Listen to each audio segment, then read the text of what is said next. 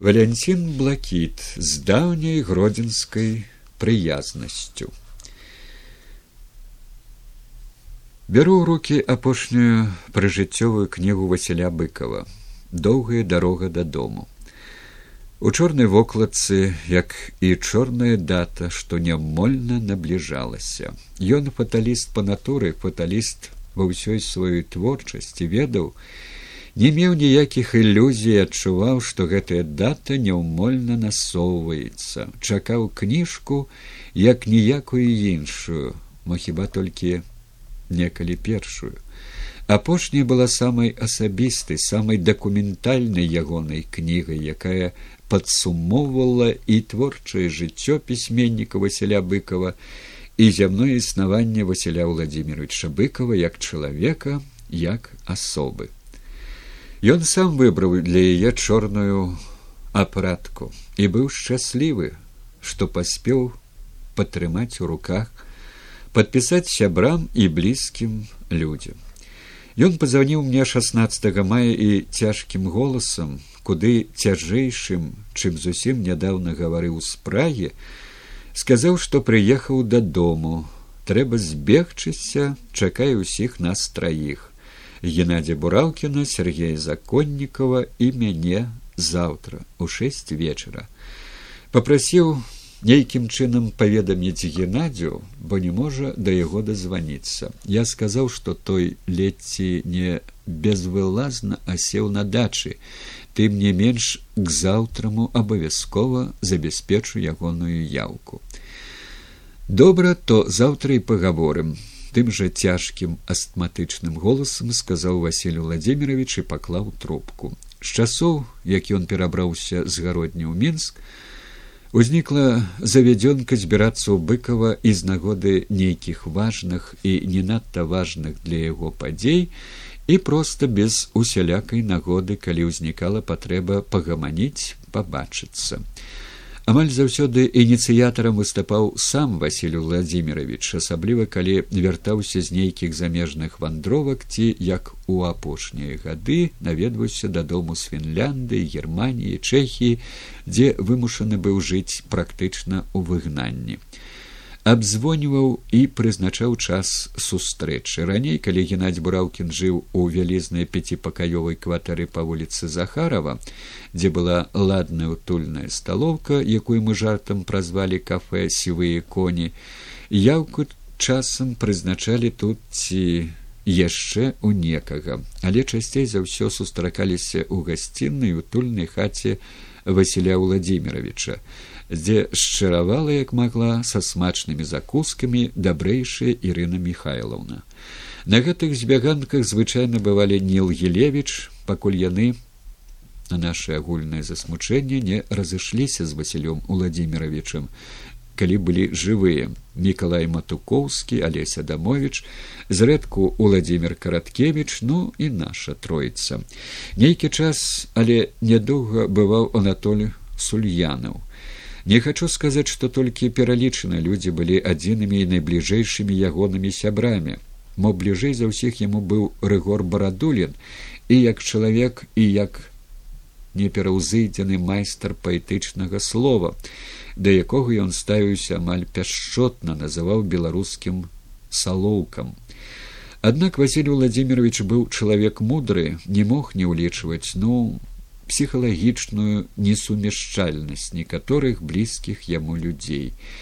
Вельмі прыязныя пачуццямі ён да валенціна тарас анатоля вярцінскага анатоля кудраўца леся жука виктора касько змітра бугаёва і шмат каго яшчэ у яго былі сотні тысячы людзей да якіх ставіўся шчыра па сяброўску прыязна і тут на беларусі у рассіі на ўкраіне і ў літве і ў балгарыі каб і хацеў усіх не пералічыш.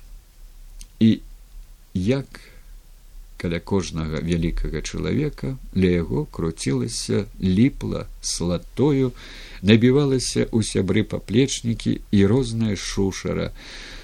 Ад адной згадкі пра шмат каго з гэтых самазваных сяброў паплечніку василю владимирович ажно моршчыўся. Кіруючая холдингавая дама надрукавала ў сваёй газетцы ў жалобныя дні свой фотаздымак побач з быкавым.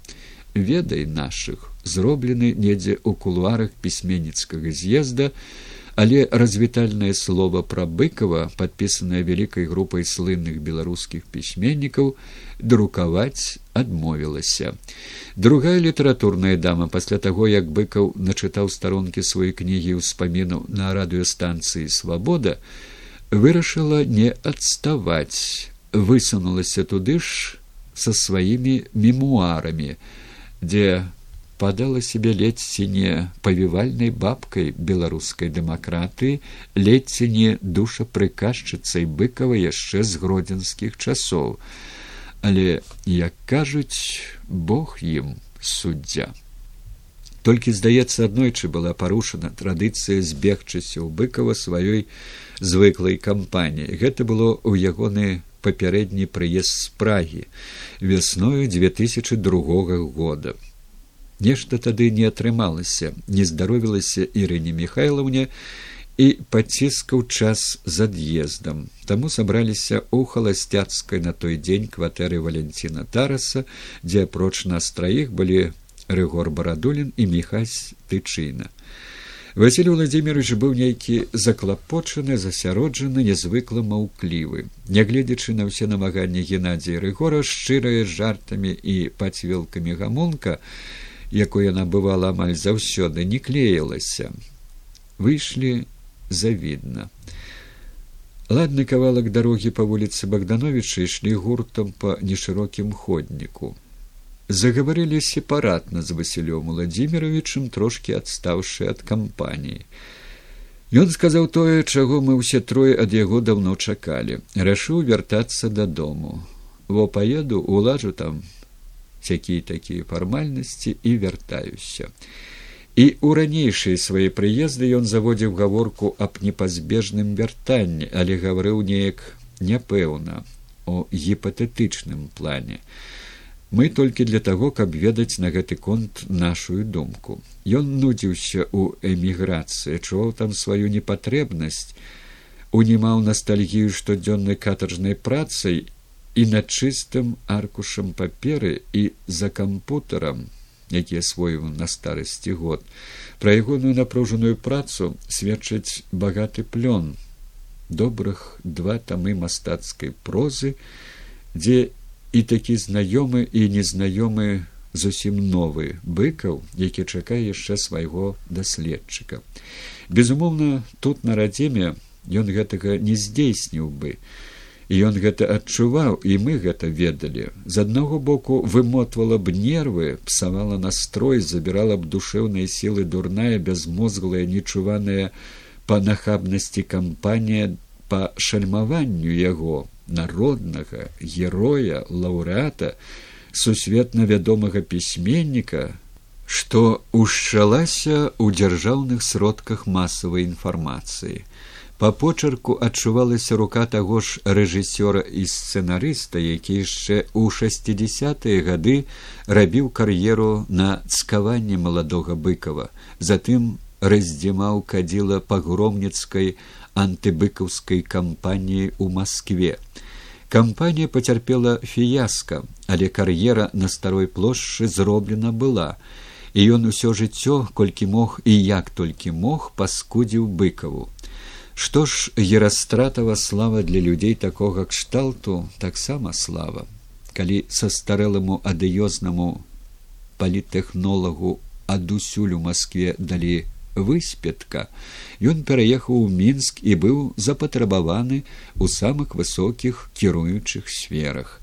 І з другога боку не давала б неспакою немагчымасці засяродзіцца на творчасці рознае назойлівае, нахрапістае каля літаратурная, але перш за ўсё каля палітычная шалупонь, якой патрэбна было імя быкова, ягоны аўтарытэт і сусветная вядомасць. І злоўжываючы мяккасцю характарам, інтэлігентнасцю і далікатнасцю натуры пісьменніка, яна не жадала лічыцца ні з ягонай занятасцю, ні з ягоным здароўем. Той раз ён гаварыў аб сваім вяртанні дадому як справе для сябе вырашанай канчаткова і беспаваротна за доўгія гады я не раз назіраў быкова калі ён прымаў прынцыпова важнае для сябе рашэнне. Тут ніхто не мог яго ні ўгаварыць не пераканаць і мяне як і ўсіх хто яго добра ведаў заўсёды здзіўляла як ужываецца ў ім мяккасць далікатнасць немагчымасць некаму адмовіць з непахіснай цвёрдасцю рашучасцю бескампраміснасцю калі справа тычылася ягонага пераканання ягоных прынцыпаў. Пачуўшы маё вядомае яму і раней станоўчае стаўленне якое канешне ж ужо не магло мець абсалютна ніякага значэння ён патлумачыў. Быў сэнс заставацца там пакуль пісалася. Усё што планаваў зрабіў зараз так сказаць трэба пабыць дома. А там відно будзе. Геннадзь браўкін расказваў што прыкладна той ж быкаў гаварыў і яму. Мы чакалі ягонага вяртання летам. Не ведаю што утрымала яго. Магчыма гэта быў кампраміс з блізкімі яму людзьмі якія не падзялілі ягоны намер хоць і цяжка было на яго ўздзейнічаць але ён быў жывы чалавек Магчыма, за здароўе, якое пагаршалася і пагаршалася і ўрэшце рэшт закончылася страшным дыягназам. Аперыраваць узяліся ў праскім шпіталі, тым самым тыя ж урачы, што рабілі складаную анкалагічную аперацыю прэзідэнту гавілу. Ягоны апошні прыезд быў даволі неспадзяваным і нечаканым, хоць па праўдзе кажучы, усе ягоныя прыезды апошні гады былі нечаканымі. ведалі, што павінен прыехаць, але што ён ужо дома даведваліся з ягоных званкоў. Як і ніхто толкам не ведаў, у які час, якім відам транспарту ён адбывае. Упадаў у гэтую канспірацыю Васіль Владимирович не таму, што хацеў абвесці вакол пальца адпаведнай службы. Не такі наіўны ён быў чалавек, каб не ведаць, што не паспее пераступіць дзяржаўную мяжу, як тыя, каго гэта цікавіць, маюць інфармацыю. Не хацеў іншай праінфармаванасці, пасля якой на вакзале альбо ў аэрапорце яго сустрэнеце прыйдзе праводзіць натоўп да яшчэ са сцягамі, плакатамі, чаго ён арганічна не выносіў. Расказваў неяк выйшаў з ліфта на лесвічную пляцоўку з чамаданамі, а там ужо людзі, якіх менш за ўсё хацелася бачыць. Звычайна ён адключаў телефон, сам званіў, каго хацеў пачуць ці пабачыць. Цяперашні ягоны прыезд нечаканым быў у тым сэнсе, што пасля аперацыі ён знаходзіўся пад пільным наглядам урачоў. Янаць браўкін толькі-толькі сабраўся ехаць у прагу праведаць яго заадно ўзяць інтэрв'ю для газеты салідарнасць, на якое па тэлефоне згадзіўся Васіль Уладзімирович, хаця к таму часу катэгарычна адмаўляўся даваць які б там не было і каму б там не было інтэрв'ю даволі хутка ўдалося звязацца з геннадзем праз ягонага сына лёшу. І назаўтра зранку ён пазваніў мне з кватэры. Перагаварылі дамовіліся як паедзем дзе і ў колькі сустрэнемся і ледзь паклаў трубку і сабраўся набраць нумар сергея законнікова як зноў званок ад геннадзя. Толькі што быкаў званіў яму прасіў перанесці сустрэчу на заўтрашнюю раніцу на дзесяць гадзін Василь Владимирович быў рэдкі на цяперашні час чалавек слова да педантычнасці дакладны і абавязковы. Калі скажаш, што прыйдзе, можна не сумнявацца, будзе з дакладнасцю да хвіліны. Прызначыць сустрэчу практычна ніколі не бывала, каб адмяніў. Мы зразумелі, што яму кепска к вечару пэўна вельмі стамляецца і не хоча паказвацца такім перад намі. Ён, як заўсёды сам адчыніў дзверы, сустрэў нас характарнай шчырай прыязнай быкаўскай усмешкай са звычайным радасным воклічам. Ну во, хлопчыкі, абняліся, расцалаваліся ў вузкім калідорчыку і пакуль Ірена Михайловна накрывала стол у зале, запрасіў кабінет у канцы калідорчыка направа. Тут Василий Владимирович спокойным, нават трошки ироничным голосом рассказывал и пра рачка, што завёўся у ім, і пра тое, як пагана адчуваеш сябе з урачамі, не ведаючы тамтэйшай мовы, і пра свой няпросты пералёт з прагі ў мінск, за час якога ён ды Ірына Михайловна гублялі прытомнасць. Беседу прадоўжылі ў зале, заняўшы сваё месца, ён за геннадзем на канапе справа мы з сергеем насупраць на крэслах Ірена Михайловна, як заўсёды прысела на хвілінку на нізенькі зэдлік у тарэт стола. Нешта пыталася але як і звычайна не надта умешвалася ў нашу мужчынскую гамонку. Пасядзіць і зноў бяжыць шчыраваць на кухню. Василий владимирович засыпаў нас пытаннямі і пра здароўе і пра наших сямейнікаў і пра літаратурныя справы а больш за ўсё што робіцца тут на беларусі Як тут зблізку мы бачым і разумеем розныя падзеі апошняга часу. Ён выслухоўваў нас і меў свае меркаванні. Лёс роднай беларусі заўсёды востра хваляваў і трывожыў яго нават цяпер зняможанага спакутванага смяртэльнай хваробай. Фізічныя ды вядома душэўныя пакуты немаладыя гады знешне зрабілі з яго зусім старога на той дзень амаль што нямоглага чалавека, што адразу ж кінулася ў вочы. Ён страшна здаў у параўнанні з тым, як быў год назад. І ўвогуле у эміграцыі ён здаў неяк рэзка абрывіста, асабліва калі памяняў звыклую быкаўскую прычоску на бок, з якой глядзеўся маладзейшым. А ўвогуле ён заўсёды выглядзеў, значна маладзейшым на свае гады. Коліць мне восемнадцатигадоваму калі ўпершыню убачыў быкова у сакратарыяце гродзенскай праўды ён падаўся ледзь неравеснікам ды да потым ягоныя аднагодкі старыліся куды хутчэй чым быкаў. А зараз ён быў зусім стары стомлены змучаны страшнай хваробай чалавек.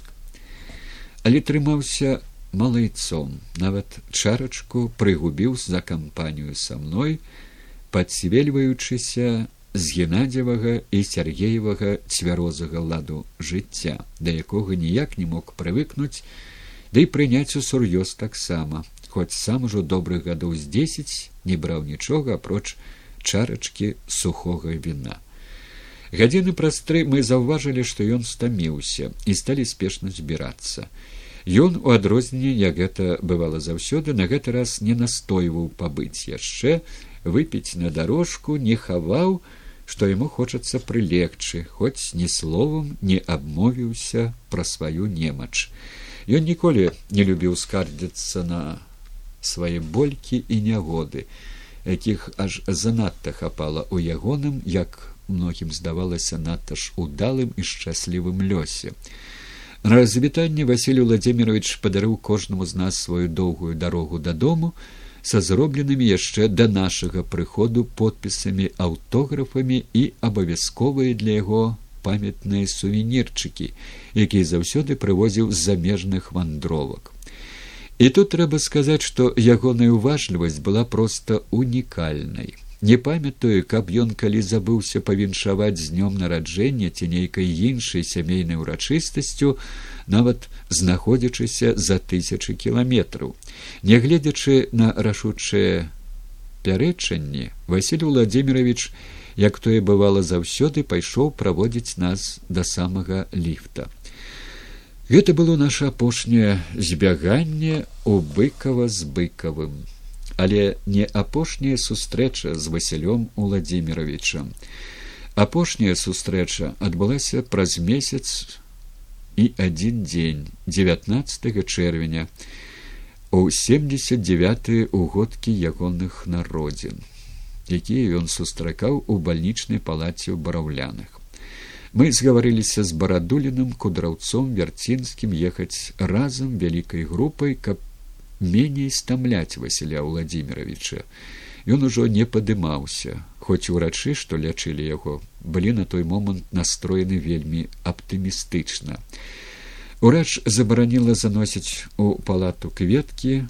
Яны выклікалі у василя владимировича прыступы астмы якая мучыла яго не адно дзесяцігоддзе. Шматлікія букеты прынесеныя некім да нашага прыходу стаялі і ляжалі на стале ў калідоры добавілі да іх свае і запоўнілі палату. Павіншавалі узялі нават стоячы па кілішачку за ягоны дзень анёла і галоўнае за здароўе василь владимирович спрабаваў усміхацца але і усмешка і словы даваліся яму цяжка выслухаў аўдыёпасланне ад рыгора бакланова якое прынёс і ўключыў па магнітапоне рыгор барадулін.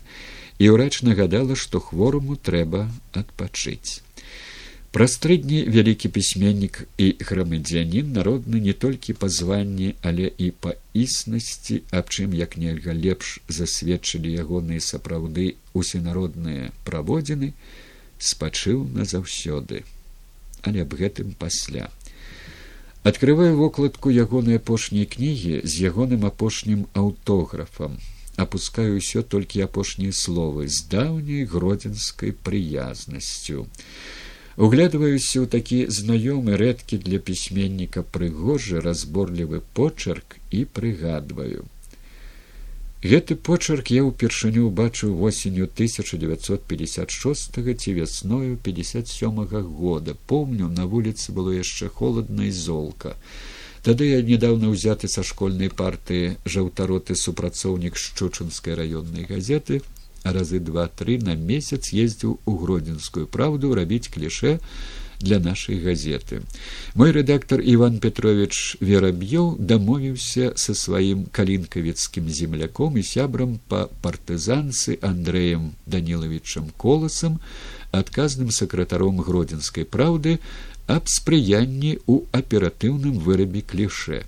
Начальства начальствам а кліше выштукоўвалі мажныя мацакры тушор володя і худенькі прапахлы махоркай і едкімі растворамі цынкограф міша той самы міша чые знакамітыя афарызмы кшталту не п'еш адкуль тое здароўе зрання выпіў увесь дзень свабодны ходзіш цвярозы як дурань любіў цытаваць на розных сябрыных василий владимирович калі быў у вясёлым настроі. Володя і мішы былі аматары закласці за каўнер таму разам с фотокарткамі мяне ў рэдакцыі нагружалі парай пляшак добрай самагонкі ехаў звычайна пад вечар володя міша аходаўшыся недзе ля апоўначы са сваёй газеты браліся за мае фотокарткі трохі ўзяўшы на зуб Працэс вырабу кліше тады быў складаны і доўгі і мяне, каб не тоўкся под нагамі і не выклікаў падазрэння,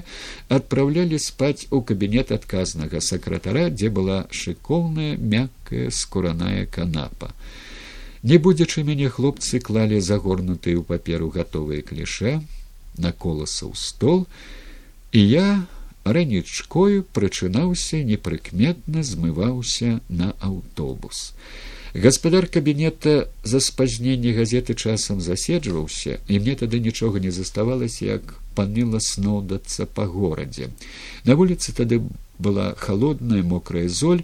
Володя пашкадаваў мяне і завеў пабавіць час у сакратарыят дзе было сталоў спяць за якімі карпелі выпускаючы карэктары по суседству з володзем амаль упрытык сядзеў і нешта пісаў маладзенькі хлопец якога ўсе звалі васем я паводзіў сябе як мыш под венікам намагаючыся нікому не замінаць.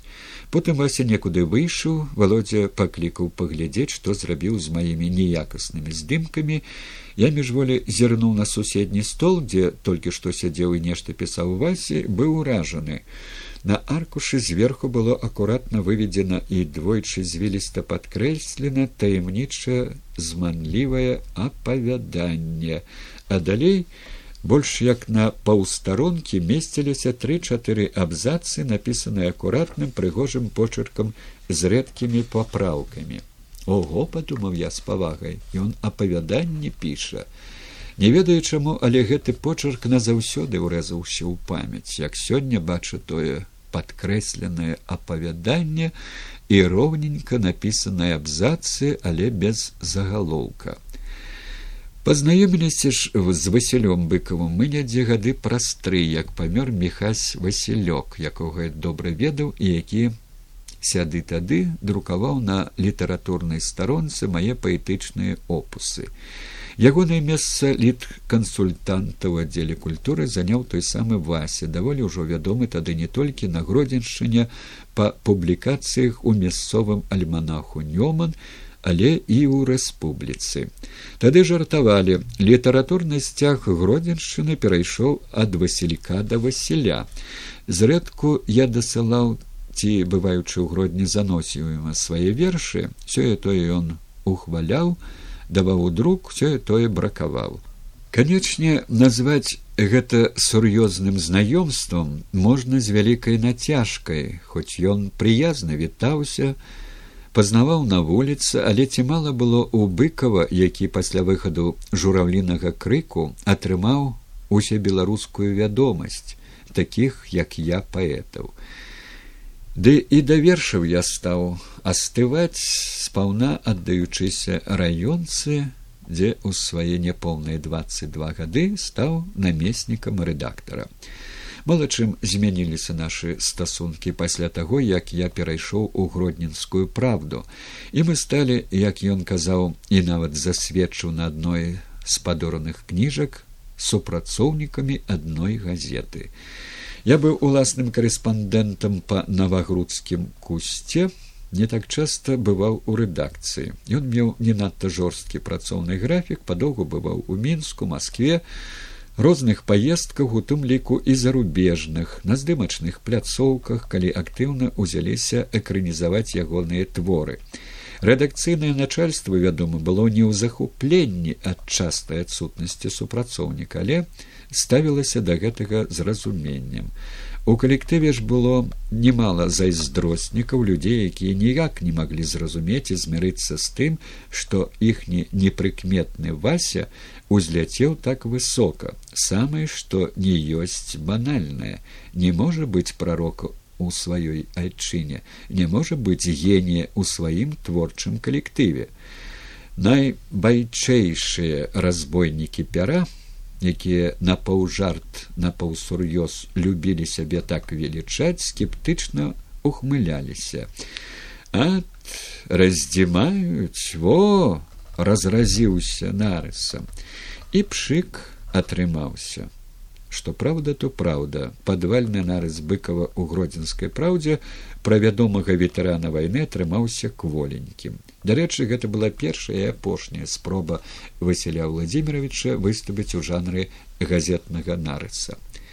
Па меры росту сваёй вядомасці і папулярнасці быкаў усё больш адчуваў сябе чужаком у калектыве. Хоць паводзіў сябе гранічна сціпла нават здавалася сароміўся сваёй славы. А калі усё развярнулася на сто восемьдесят градусаў і хваласпеў змяніўся шальмаваннем адносіны быкова з калегамі ў калектыве яшчэ больш ускладніліся. Родную газету якая ну ніяк не магла знайсці дастойных крытыкаў і конт прапагандыстаў на месцы змушалі перадрукоўваць брудныя пагромныя пасквілі з мінскіх і маскоўскіх выданняў. Василь владимирович ведаў што рэдактор андрей колас ставіўся да яго наколькі мог лаяльна з разуменнем супраціўляўся гэтым перадрукам пераконваў сакратароў абкама аднак это было малое суцяшэнне нікога рэдактара не мог ні пераканаць ні угаварыць. Была каманда самага верху аж самай вершапрастольнай а слухацца якую ніхто не мог многія ў рэдакцыі сталі асцерагацца мець справу з быкавым як бы чаго не выйшла. Абыходзілі бокам апусціўшы вочы. Самае дзіўнае і смешнае што часцей за ўсё гэта былі вядомыя рэдакцыйныя закладоншчыкі за кавунер які вельмі цанілі нескупердзяйства быкава і добра бралі на халяву за ягоны кошт.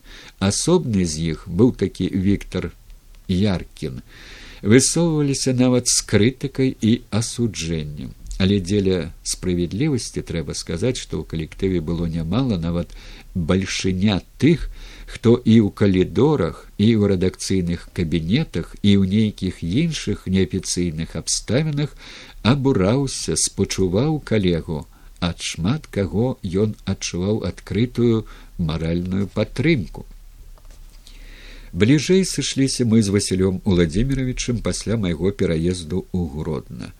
Адбылося гэта ў першы дзень чэкаславацкіх падзей 1968 года якія круто павярнулі мой журналісцкі лёс. Недзе пад абед запкама партыі пазванілі ў навагрудскі райкам і загадалі тэрмінова знайсці любым відам транспарту аж да машыны першага сакратара неадкладна даставіць мяне да сакратара абкама ульяновича ехаў на райкамаўскай машыне і ніяк не мог уцяміць навошта гэтак у пажарным парадку я спатрэбіўся ульяновичу ішла мабілізацыя рэзервістаў і я быў амаль перакананы што выклік звязаны з чэхаславацкімі падзеямі. Магчыма арганізоўваюць нейкую ваенную газету і захамутаюць туды.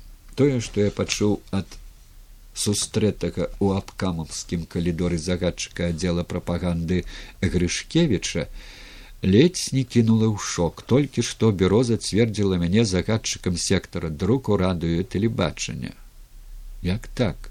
Не папытаўшы згоды не пагутарыўшы лічы сябе мабілізаваным усміхнуўся першы сакратар абкама мікулович і калі я ледзь не ўзмаліўся каб пакінулі ў газеце супакою. Ладно пабудзеш годзік а там паглядзім і думаць не думаў што гэта зацягнецца не на гады а ледзь не на два дзесяцігоддзі.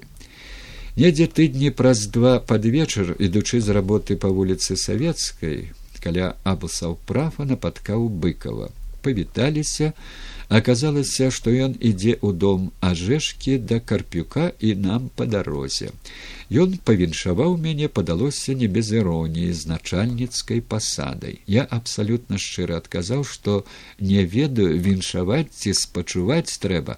Расказаў як усё адбылося. Ён выслухаў моўчкі сказаў задумліва і непэўна хто яго ведае мо гэта і добра.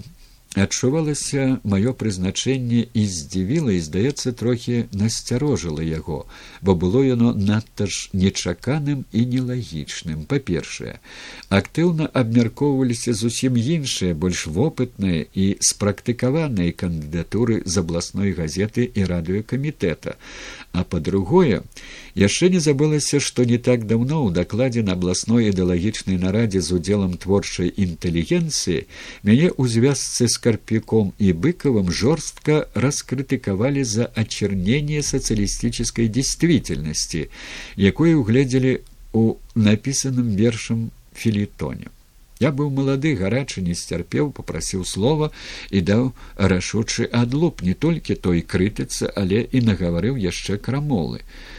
Пры цары то прасцей было маладым аўтарам надрукавацца выдаць кніжку а тут быў альманах нёман. І невядома чаму закрылі. Пры панскай польшчы толькі ў гродня не кажучы пра вільню выходзіла чатыры ці пяць газет па беларуску а зараз няма ніводнай канечне ж у заключным слове мяне паправілі пасля чаго можна было лічыць што на маёй журналісцкай кар'еры пастаўлены крыж.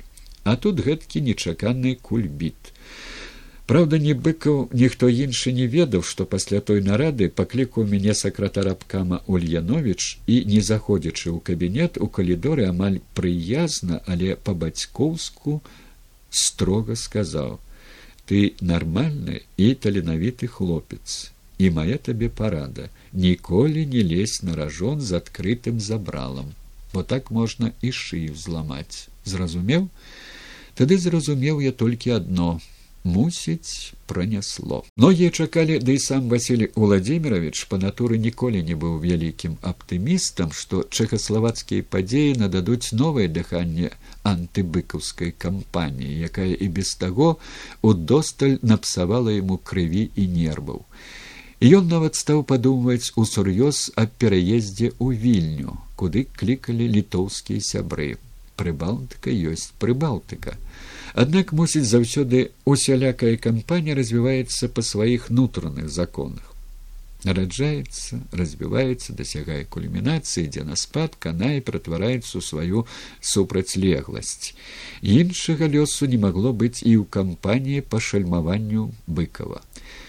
К таму часу калі воля ў выпадку ці лёсу я апынуўся ў абласных калідорах улады яна ўжо выдыхалася набывала камічна фарцавыя адценні і нават ідэалагічна вострыя чэхаславацкія падзеі ўжо не ў стане былі надаць ёй новае дыханне. Першае, што мяне ўразіла, у абкамі ніхто за выключэннем хіба некалькіх састарэлых артадоксаў з парткамісіі усур'ёз ворагамі і ідэалагічнымі дыверсантамі быкава і карпюка не лічыў. Ні Грышкевіч, ні Ульянович, ні Мікулович.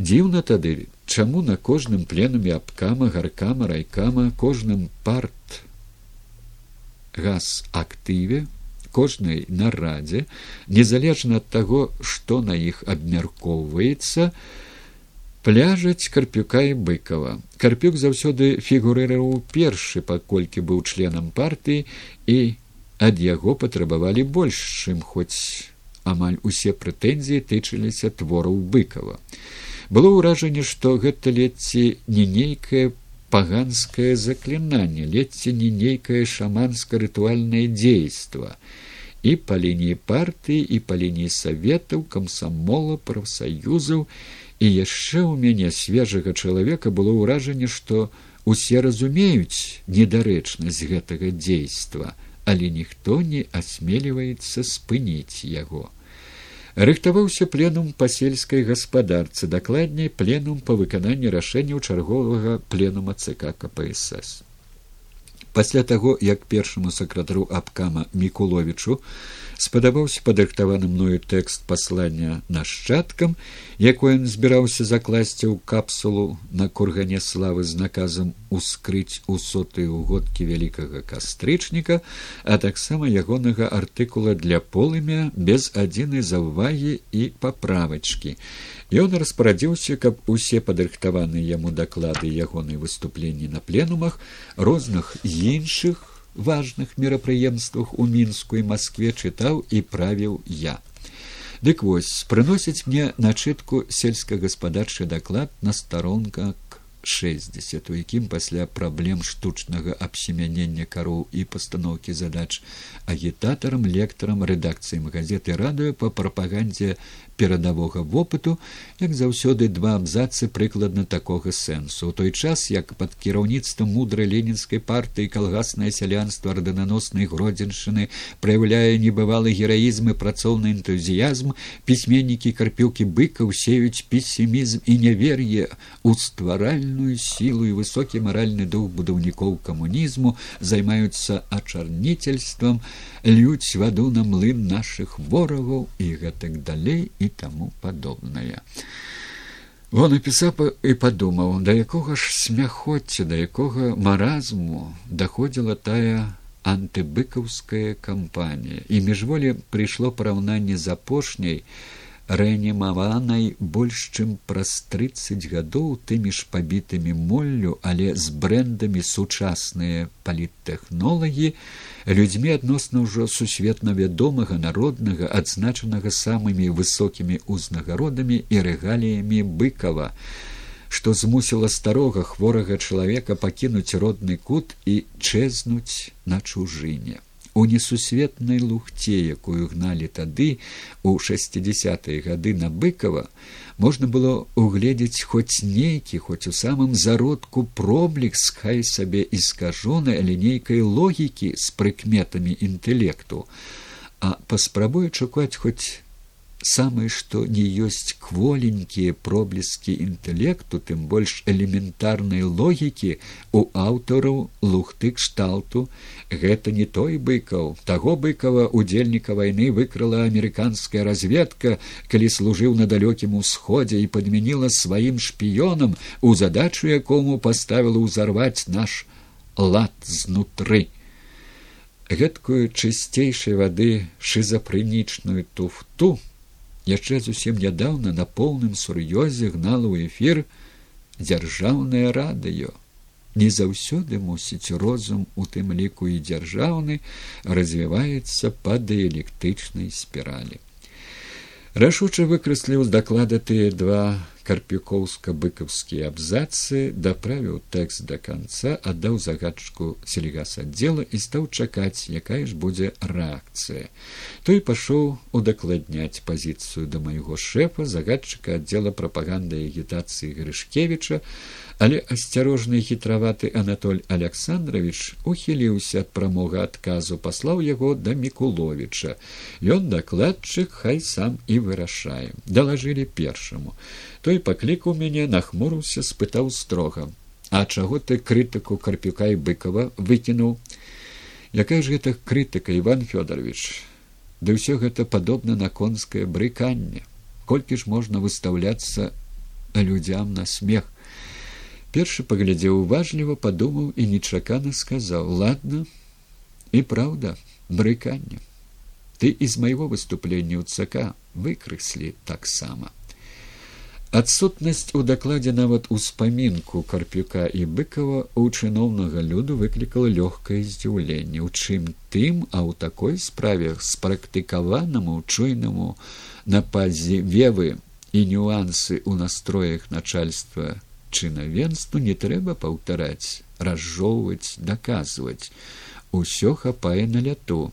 І я з усмешкай назіраў як вопытныя выступоўцы з райкамаў райбы канкамаў вучоныя аграры нават разумныя старшыні калгасаў пачалі спешна выкрэсліваць са сваіх тэкстаў абзацы карпюка і быкова па-ранейшаму грамілі толькі радавыя прадстаўнікі калгаснага сялянства.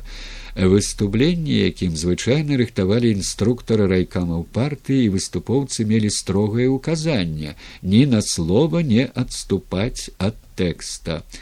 З таго пленума ў вобласці фактычна спынілася дурная рытуальна шаманская свістапляска вакол пісьменнікаў і на рэспубліканскім пленаме было заўважана і ўспрынята адпаведным чынам выступлення гродзенскага першага.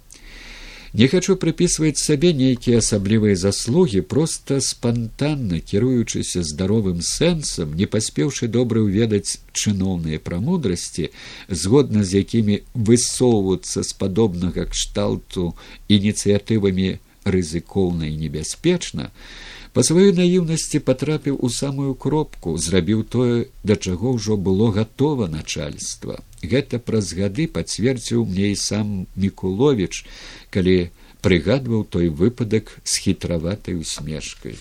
А я і ведаў што ты выкінеш. Думаеш мне не дакладвалі что ты яшкаешься з быкавым? Мне гэта страшэнна уразіла паашываўшыся трошки ва ўладных калідорах много чаго побачыўшы ты не менш я не мог і думкі дапусціць што тады ў гродні за быкавым так пільна сачылі і дакладвалі на самы верх хто з ім сустракаецца і пэўна ж якія гаворкі вядзе і прыгадалася як неяк у тыя часы василь уладзімирович са шчырай заклапочанасцю запытаўся ці не баюся я гэтак адкрыта на людзях сустракацца з ім? Я недаўменна і абсалютна шчыра здзівіўся. А што тут страшнага і незаконнага? Мы ж не змову супроць савецкай улады учыняем ён нічога не сказаў толькі усміхнуўся неяк сумна і трохі загадкава.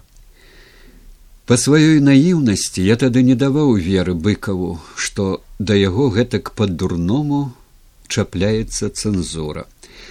У мяне ў сейфе быў знакаміты сакрэтны перечень, салідны фаліянт, змацаваны пячаткай і подпісам галоўнага маскоўскага літчыка, дзе тое, што забаронена друкаваць даходліва і акуратна, раскладзена па палічках, а ўсе аператыўныя змены прыкладваліся да асобных паперках з той жа пячаткай і тым жа подпісам.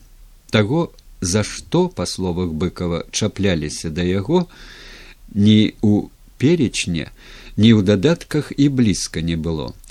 Василь Уладзімірович толькі усміхаўся маёй наіўнасці, а я паверыў значна пазней, калі самому давялося сутыкнуцца. Аказалася перечень перечнем, а літаўскія жанчынкі, кіруючыся нейкім іншым, тайна спушчаным ім перачнем праяўляюць куды большую ідэйную вытрымку і рэвалюцыйную пільнасць чым аўтар які ў москве стацыянарам з чырвоным дыпломам закончыў вышэйшую партыйную школу пры цк кпсс і займае пасаду загадчыка сектара цк кпб ды што казаць пра мяне ці быкова калі яны літавалі нават самога машэрава Насамрэч нейкая д'ябальская сіла стаяла за гэтымі літаўскімі жанчынкамі. Памаленьку са скрыпам не толькі ў гродні, а і ў мінску пасля рашучых пісьменніцкіх выступленняў у абарону быкова кампанія падскавання пісьменніка губляла энергію, глухла, выраджалася, хаця сям там па інерцыі адыёзныя артадоксы і форменныя прыдуркі працягвалі бараніць свяшчэнныя прынцыпы сацыялізма ад быкова і яму падобных. Аднак гэта быў ужо фарс. Быкова на нейкі час пакінулі ў спакоі, бы забыліся, потым сталі з'яўляцца стрымана асцярожныя артыкулы, якіх ужо была спроба аб'ектыўна прааналізаваць ягоныя творы, ягоныя філасофскія, этычныя і эстэтычныя прынцыпы. Тым больш, што была добрая зачэпка для такой гаворкі і сур'ёзнага аналізу амаль штогод і у арыгінале, і ў перакладзе на рускую мову выходзілі ў мінску у маладосці і ў москве у в новом мире новыя повесці васіля быкова які мелі шырокі чытацкі розгалас. А потым потым паступова і канешне ж заканамерна антыбыкаўская кампанія паціху памала пераходзіла праз няпоўныя два гады перайшла у сваю супрацьлегласць. Спакваля не смела бы вінавацячыся перад пісьменнікам сталі гаварыць пісаць пра станоўчыя ў ягонай творчасці. А неўзабаве ўсё тое што яшчэ зусім нядаўна шальмавалася пачало прызнавацца падавацца як наватарства як найвялікшае дасягненне быкава празаіка. І гэта была праўда. Аднак як заўсёды ў нас не абыходзілася без шараханняў у крайнасці перасолаў і перасалодаў казённай алілуйшчыны якая так цешыць вушы і душы абласканых уладай творцаў а сціпламу цкаванаму гэтулькі год уладамі і аглабельнай крытыкай василю уладзімировичу ад гэткай увагі і хваласпеваў часта хацелася скрозь зямлю праваліцца. Пра гэта ён з поўнай шчырасцю сказаў у доўгай дарозе дадому апісваючы свой душэўны стан на ўрачыстым святкаванні пяцігадовага юбілею ў гродня. Я назіраў за ім тады сярэдзіны вялізнай залы самага сучаснага і раскошнага на той час палаца хімікаў што я прыехаў з москвы знаходжуся ў зале ён і не здагадваўся бо я толькі раніцой вярнуўся пры дыпломе з вучобы ў впш рабіў спробы дазваніцца і павіншаваць яго але не ўдалося. Мы даўнавата не бачыліся я не мог не прыйсці на ягоны вечар пра які даведаўся з абвесткі як толькі ступіў на прывакзальную плошчу. Шчыра кажучы было вельмі цікава на свае вочы пабачыць як адаптуецца ён да грамадскай увагі да свайго заслужанага прызнання парадавацца за яго. Ад хлопцаў даведаўся што быкаў як толькі мог упарціўся адбіваўся ад грандыёзнага публічнага святкавання але не ўстаяў под напорам абкама мінскіх сяброў а перш за ўсё карпюка які зрабіў сваёй вялікай саюзніцай жонку василя владимировича надзею андреевну. Гэта быў першы ягоны выхад на такую агромістую аўдыторыю. Кідалася ў вочы што ў вялізным з пазалотую крэсле падобным на царскі ці каралеўскі трон вы якой высадзілі яго на сцэне да яшчэ пад уласным партрэтам юбіляр пачуваю сябе дужа няўтульна Ён то здымаў то навешваў акуляры то вымаў то зноў клаў у бакавую кішэнь нейкія складзеныя папалам паперкі. Даклад алеся адамовича які спецыяльна прыехаў з мінска каб расказаць гродзенцам хто такі быкаў василий владимирович выслухаў даволі спакойна нават абыякова толькі сяды тады калі дакладчык даваў надта ж ужо нязвыкла высокія падобныя на лёсткі ацэнкі круціўся на тым крэсле як на гарачай патэльні усё больш змрачнеючы. А як пачаліся доўгія падобныя на панегірыкі па нябожчыку віншавання ад рабочага класа калгаснага сялянства працоўнай інтэлігенцыі моладзі і студэнцтва зачытванне прывітальных адрасоў ад розных арганізацый працоўных калектываў панурыў галаву і глядзеў у адну кропку уцягнуўшы шыю ў плечы быццам яго не славілі на ўсе лады а лупцавалі бізунамі Ну і калі прарэктар педінстытута прафесор Барыс фіг усім даў фору, заявіўшы пад апладысменты залы, што ўгродна, як і ў ясную паляну да магілы толстога будуць ездзіць пілігрымы з усяго свету. Здалося, што юбіляру хочацца залезці пад столік, які стаяў перад ім.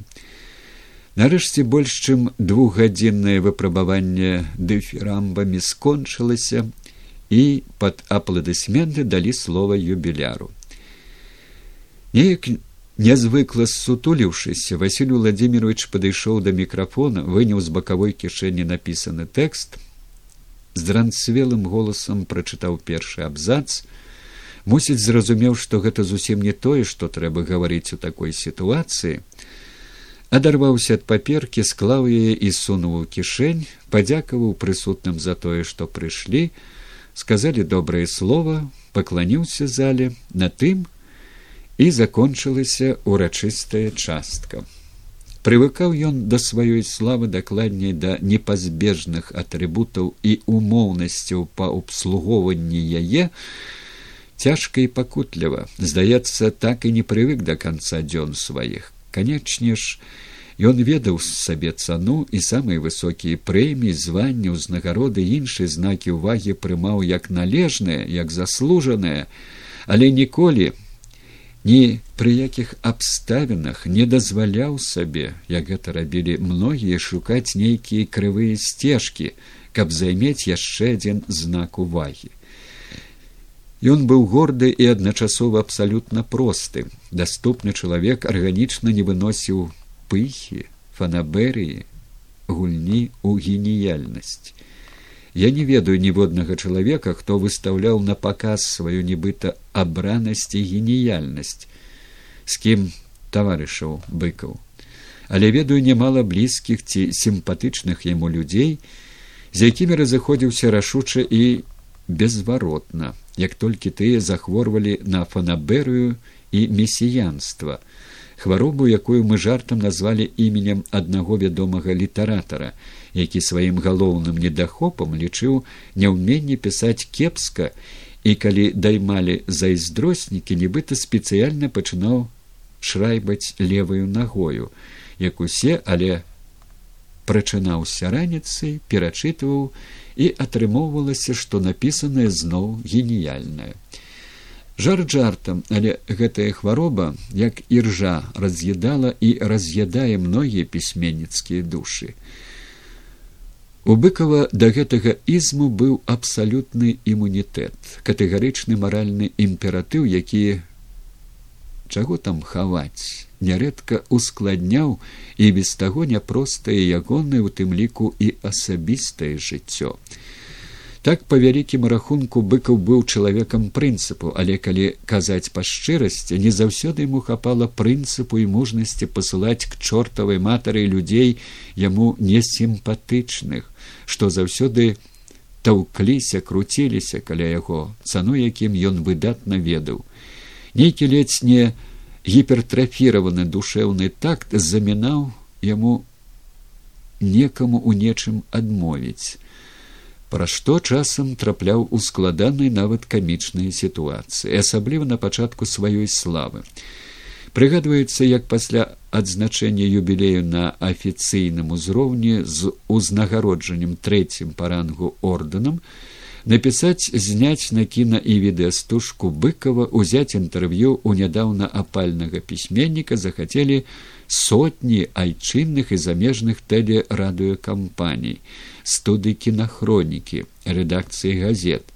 Ему званілі дамаўляліся і то без усялякай дамовы падумаеш правінцыя ехала ў гродна бог ведае адкуль пішучая і здымаючая браце яму не гаваркому па натуры трохі каснаязыкаму кожнае інтэрв'ю асабліва відэазапіс даваліся надзвычай цяжка патрабавалі душэўных сіл і часу.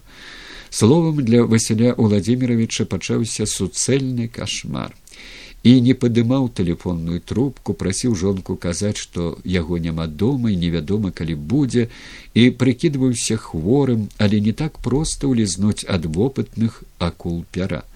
Хаваўся у сяброў выязджаў на прыроду але ж трэба было карпець над новай аповесцю. Апісалася толькі за сваім сталом. Неяк пад вечар быкаў пазваніў мне і попрасіў тэрмінова сустрэцца ён быў змрочны здавалася аж учарнеў. Нават схуднеў за тыя тыдні два тры як не бачыліся. Нейк асуджана сказаў што ўспамінае як рай небесны часы калі яго лупцавалі з усіх бакоў. Тады хоць можна было працаваць. А зараз няма ніякага ратунку ад розных інтэрв'юераў, распытвальшчыкаў, здымальшчыкаў, запрашальшчыкаў, зранку да позняга вечара і ніякага канца не відно. А што рабіць василь владимирович пажартаваў я. Як кажуць цярпі зося так прыйшлося. Слава і папулярнасць патрабуюць ахвяр і дадаў сур'ёзна без некаторых інтэрв'ю сустрэч канечне ж не абысціся а астатніх моя вам парада посылайте к чортавай матары яно канешне так згадзіўся василий владимирович і замоўк. Адчувалася у яго ёсць нейкая справа просьба да мяне. Ён не любіў такіх спраў звяртаўся толькі ў крайнім выпадку. Пры гэтым пачуваў сябе заўсёды нейк вінаватым бы намерваўся узваліць на цябе свае немаведама якія цяжкія клопаты. Пасля паўзы сказаў слухай а ці не мог бы ты памагчы мне па-сяброўску адбівацца хоць ад самых нахрапістых праныраў і злавіўшы мой трохі здзіўлены погляд патлумачыў не будзем вельмі супраць калі жонка званкі пачне скіроўваць на цябе. А ты сам рашыш каго варта ўважыць каго ты ведаеш куды пасылаць. Ды з тваёй пасады лягчэй адганяць. Канешне ж я не мог адмовіць василю владимировичу і пэўна месяца два тры пакуль трошки не ўляглося выконваў абавязкі дыспетчара рэгуліроўшчыка ў ягоных стасунках дачыненнях з прэсай і грамадскасцю да і пасля даводзілася не раз рашуча аберагаць занятага творчай справы пісьменніка ад занадта рашучых і назойлівых аматараў пакалякаць з быкавым ці займець яго ў якасці вясельнага генерала. Ён ведаў гэта і заўжды плаціў удзячнасцю. Мяне заўсёды здзіўляла, як быкаў пры сваёй сусветнай вядомасці, з кім лічылі за гонар сустрэцца пазнацца найслыннейшыя людзі нашага часу, змог заставацца такім жа сціплым, далікатным, уважлівым, простым у абыходжанні, якім быў у тыя гродзенскія часы, калі яшчэ не ўведаў слодычы і горычы славы. Хіба толькі з гадамі стаў мудрэйшым, стрыманейшым, памяркоўнейшым, навучыўся дароўваць людзям шмат што з таго, чаго ні за што не дараваў быў маладосці. Стаў глядзець на свет на людзей на нейкія іхнія слабасці вачыма мудрага філосафа трошачку паблажліва трошачку з разуменнем канечне ж прайсці выпрабаванне гэтакай славы і застацца самім сабой магла толькі асоба цэласны ва ўсіх сваіх супярэчнасцях характар з высокім духоўным стрыжнем характар, які ўзрос на спрадвечнай сялянскай мудрасці, беларускай ментальнасці і меў той перасцерагальны механізм, што дазваляў яму з гонарам і годнасцю абмінаць тысячы спакус, дапамагаў і разумную заслужаную пахвалу і дылетанцкія часам прыдуркаватыя дэфірамбы і нават выпады зласліўцаў успрымаць як нешта фатальна непазбежнае да тых і іншых ставіцца з пэўнай іроніяй не зважаць і не абвяргаць незалежна ад каго яны зыходзяць. Нават калі і ад блізкіх людзей паводзіць сябе абсалютна абыякова быццам усё гэта не мае ніякага дачынення да яго звычайнага жывога чалавека па імені василь быкаў. Ён не любіў і як мог пазбягаў выстаўляцца ў цэнтру увагі на першай ролі весці рэй нават тады калі рабіць гэта было амаль немагчыма як напрыклад на ўласных днях нараджэння вечарынах з нагоды прысваення героя працы звання народнага пісьменніка ленінскай прэміі і гэтак далей дзе рэй звычайна вёў востры на язык геннадзь бураўкін. Часам не надта цырымонячыся перапыняў падпускаў віноўцу ўрачыстасці кепікі іншы раз і добранька падперчаныя і той першы смяяўся ніколі не крыўдзіўся. Любіў яго яшчэ больш як роднасную душу. У любой бяседзе ён неяк не ў прыкмет умудраўся сціпла адыходзіць у цень дзе адчуваў сябе натуральна і больш камфортна. Разам з тым пры ўсёй сціпласці абсалютна натуральнай простасці і даступнасці ў абыходжанні з людзьмі у ім была нейкая незразумелая ўнутраная сіла якая утрымлівала не дазваляла нават блізкім сябрам гэтак папросту за пані брата паляпваць яго па плячы а я дык і не змог перайсці з ім на ты хоць не раз і ў гродні і тут у мінску ён настойваў патрабаваў нават злаваўся пагражаючы што і ён да мяне завыкае афіцыёзна але я яго лавіў на слове. А вы хіба тыкаеце старэйшым па ўзросту танку брылю панчанку нават амаль равесніку шамякіну? Ага так ну да неяк скрушліва усміхаўся василий владимирович ды так сказаць я не гаджуся ва ўзорна паказальнае з якіх варта рабіць жыццё так сказаць браць прыклад цяжэй за ўсё на пачатку яму давалася тое чаго не ставала ці не было ў характары чаго трошки не дадала прырода. Ну ніяк он не ўмеў выступаць. Хваляваўся губляўся збіваўся часам увогуле не ведаў што гаварыць а яго запрашалі ў розныя аўдыторыі хацелі бачыць хацелі слухаць і ён разумеў што без гэтага ну ніяк не абысціся асабліва калі узначаліў абласную пісьменніцкую арганізацыю. Ён по-добраму зайздросціў карпюку які трымаўся ў любой аўдыторыі як рыба ў вадзе. Таго хлебам не карме а дай трыбуну гэта пасля василий владимирович сваім не надта пастаўленым глухаватым манатомным голасам умеў гадзінамі заварожана трымаць тысячныя аўдыторыі ды так што муха праляціць чутно. А тады самае што не ёсць ардынарнае выступленне дзе-небудзь перад вучнямі настаўнікамі патрабавала ад яго неймаверных душэўных высілкаў. Неўзабаве Ён даўмеўся напісаць прыдатны для любой аўдыторыі выратавальны тэкст хвілін на пятнаццаць аб гродзеншчыне літаратурнай пачынаючы ад адама міцкевіча канчаючы юркам голубам і валянцінам блакітам цікавае пачыналася толькі тады калі задаваліся нейкія варты ўвагі пытанні ён абсалютна шчыры адкрыта пачынаў адказваць ніколькі не клапоцячыся што яго не так могуць зразумець не так успрыняць. Ён агарошваў аўдыторыю заяўляючы што яму не падабаюцца ледзь не ўсе фільмы па ягоных творах а больш за ўсё альбійская балада што ён не любіць тэатр што для яго найлепшая музыка цішыня уяўлення не мае што такое каханне і гэтак далей. Праз некаторы час ён выкінуў тую выратавальную паперчыну на ўласным вопыце зразумеўшы.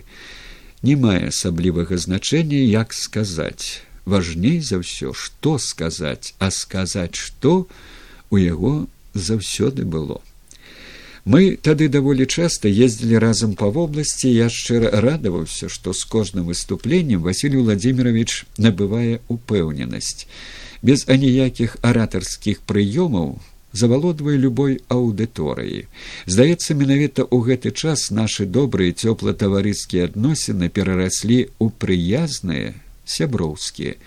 Спрыялі таму і нашы агульныя службовыя інтарэсы. Працуючы намеснікам загадчыка аддзела прапаганды і агітацыі абкама я курыраваў аддзяленне саюза пісьменнікаў якое ён узначальваў. І нейкім чынам творчыя. Я пачаў актыўна пісаць апавяданні гумарэскі які ахвотна друкаваў вожык і неўзабаве выдаў асобнай кніжачкай. Ага оказывается мы с тобой пачыналі так сказаць аднолькава шчыра павіншаваў ён. Моя ж першая кніжка таксама выйшла у бібліятэцы вожыка я гэтага не ведаў бы вельмі здзіўлены што пра тое нідзе ніхто не пісаў першай кнігай василя быкова лічыў журавліны крык оказывается ягоная сатарычна гумарыстычная кніжачка ход канём выйшла таксама ў 1961 годзе, але трошачки раней. Ну а цяпер так сказаць за табою аповесць зусім сур'ёзна і зычліва сказаў ён. Неўзабаве і насамрэч напісалася першая моя повесць час прылёту жыраввоў ухваленная василём владимировичем і надрукаваную маладосці. Так што быкаў можна сказаць быў маім стариком дзяржавіным. А потым даваў рэкамендацыю саюз пісьменнікаў прадстаўляў у літаратурнай газеце напісаў прадмову для першай кніжкі ў перакладзе на рускую мову што выходзіла ў маскоўскім выдавецтве маладая гвардія сустракацца мы сталі даволі часта і па справе проста так пасядзець пагаманіць за чаркую ці ў яго ці ў мяне ці-небудзь дзе на нейтральнай тэрыторыі каб не рабіць лішніх клопатаў жонкам. Часам заседжваліся дапазна і ён заставаўся начаваць у мяне ледзь свет паршынаўся званіў надзея андрэевны каб не хвалявалася атрымоўваў на арэхі па тэлефоне цяжка ўздыхаў і пакорна ішоў здавацца У адрозненне ад карпюка ён не любіў хадзіць па начальству нават у памяшканні абкам заходзіў надзвычай неахвотна. Звычайна званіў і далікатна пытаўся ты калі будзеш выходзіць з работы гэта значыла што яму нешта трэба абгаварыць? Сустракаліся часцей за ўсё ля выхаду з абкама на замкавай калі спрыяла надвор'е спускаліся па сходках да нёмана гулялі па-над ракою абмяркоўваючы нейкія пытанні ці то арганізацыю сустрэч з хорошымі хлопцамі з мінска што маюць намер прыехаць у гродна групай альбо паасобку ці прыняць нейкую замежную пісьменніцкую дэлегацыю ці абгаварыць нейкія дэталі па арганізацыі дзён беларускай літаратуры які мы рэгулярна праводзілі ў вобласці. Ці проста так пагаманіць абмяняцца цікавай для нас абодвух інфармацыяй. Калі ў мяне не было неадкладных службовых спраў і ў яго быў настрой трохі адарвацца ад пісьмовага стола, дамаўляліся выехаць у людзі. Я созваньваўся з нейкім раёнам, выклікаў машыну. Быў не адзін дзясятак такіх паездак і на літаратурныя вечары сустрэчы і на запросены пабываць на нейкіх мерапрыемствах як напрыклад адкрыццё партызанскіх зямлянак у лепечанскай пушчы нейкіх звязаных з вайной помнікаў і памятных знакаў раённай святы фестывалі і проста адпачыць пагасцяваць. Василь владимирович неяк адразу ж сыходзіўся з многімі першымі сакратарамі райкамаў зачароўваў іх дэмакратычнасцю простасцю даступнасцю уменнем і пажартаваць і падтрымаць любую гаворку і чарку ўзяць не трацячы розуму. Не раз яны мне як калегу казалі з захапленнем пра быкова во мужик! Мы мелі моду па дарозе звярнуць дзе-небудзь з трасы дабрацца да нейкай забытай богам і начальствам вёсачкі пагутарыць па душах з тамтэйшымі дзядзькамі і цёткамі, а потым выкладвалі пачутыя і ўбачаныя раённаму начальству, якое пачувала сябе страшэнна няёмка не столькі перада мною, як прадстаўніком вышэйстаячай інстанцыі, колькі перад пісьменнікам быкавым, які можа уставіць убачаныя пачуты ў свой новы твор ці выступленне ў прысутнасці высокага начальства зняславіць на ўвесь свет таму клялося тут жа неадкладна накруціць каму трэба хваста выправіць становішча я намекаў што праз нейкі месяц мы можам прыехаць і праверыць на што василю владимирович згодна хітравата падмірваючы хітаю галавою ну да так што гэтай паездкі часам прыносілі практычную карысць не толькі нам але і простым людзям Гэтая карысць асабліва была відавочнай пры падрыхтоўцы і правядзенні масавых літаратурна-мастацкіх мерапрыемстваў, калі ва ўсе раёны вобласці выязджалі вялікія групы найбольш вядомых беларускіх пісьменнікаў, якія дабіраліся да самых аддаленых вёсак. Усё гэта рыхтавалася на ўзроўні абласнога кіраўніцтва, кіраўнікоў гарадоў і раёнаў як сапраўднае свята. Да прыезду пісьменнікаў мясцовае начальства, каб не ляснуць тварам у гразь, шмат што рабіла па уладкаванню быту людзей, навядзенне парадку ў клубах, бібліятэках, школах, добраўпарадкаванне гарадовай вёсак, памятаю пасля святкавання стагоддзя цёткі якое па прызнанню кіраўнікоў саюза пісьменніку было першым такім цёплым шчырым і маштабным народным святам прысвечаным беларускаму літаратару і беларускай літаратуры да нас з быкавым падышоў старшыня мясцовага калгаса здаецца ягонае прозвішча было вітко і сказаў усе нашы людзі і я ў першую чаргу у пояс кланяемся і цётцы і вам і ўсім беларускім пісьменнікам бо шчыра скажу не дакумекаў бы руки не дайшлі б навесці парадак у вёсках адрамантаваць хаты і платы увогуле глянуць на сябе крытычна наконт культуры Я бачыў шчырае задавальненне ў вачах Васіля Владимировича. Немарна прапалі нашы высілкі па арганізацыі свята, шматлікія паездкі ў шчучын, астрыну на прылеглых вёсках, на магілу цёткі, дзе ўсё прыводзілі ў парадак, збівалі з дошак эстраду устанавливали лаўкі і ларкі нават тое што ў тыя часы толькі на гродзеншчыне дарожныя знакі назвы населеных пунктаў выконваліся па-беларуску быў вынік і нашых з ім паездак і частых прыездаў да нас мінскіх пісьменнікаў. Сяды тады калі было месца ў машыне бралі з сабою і карпюка але з ім была адна марока. Алексей нечэправіч чалавек настрою і часта непрадказальны то рахманы памяркоўны усмешлівы то ні з сяго ні з таго задзіраста і агрэсіўна накідніцца на мясцовае начальство вінавацячы яго ў тым за што было б справядліва прад'яўляць прэтэнзіі брэжневу суславым быкаў не надта любіў спрэчкі хаця ніколі і не змоўчваў калі быў няўзгодны. Ён заяўляў сваю пазіцыю без спробы перацягнуць субеседніку ў сваю веру і гэтым выклікаў павагу да сябе.